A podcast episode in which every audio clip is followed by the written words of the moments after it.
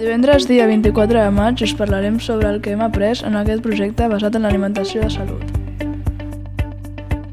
Aquest projecte l'hem estat treballant les dues classes. Cada classe estava repartida per grups, exactament en cinc els quals cadascun treballa un tema específic, com per exemple els aliments sense gluten o els aliments vegans, etc.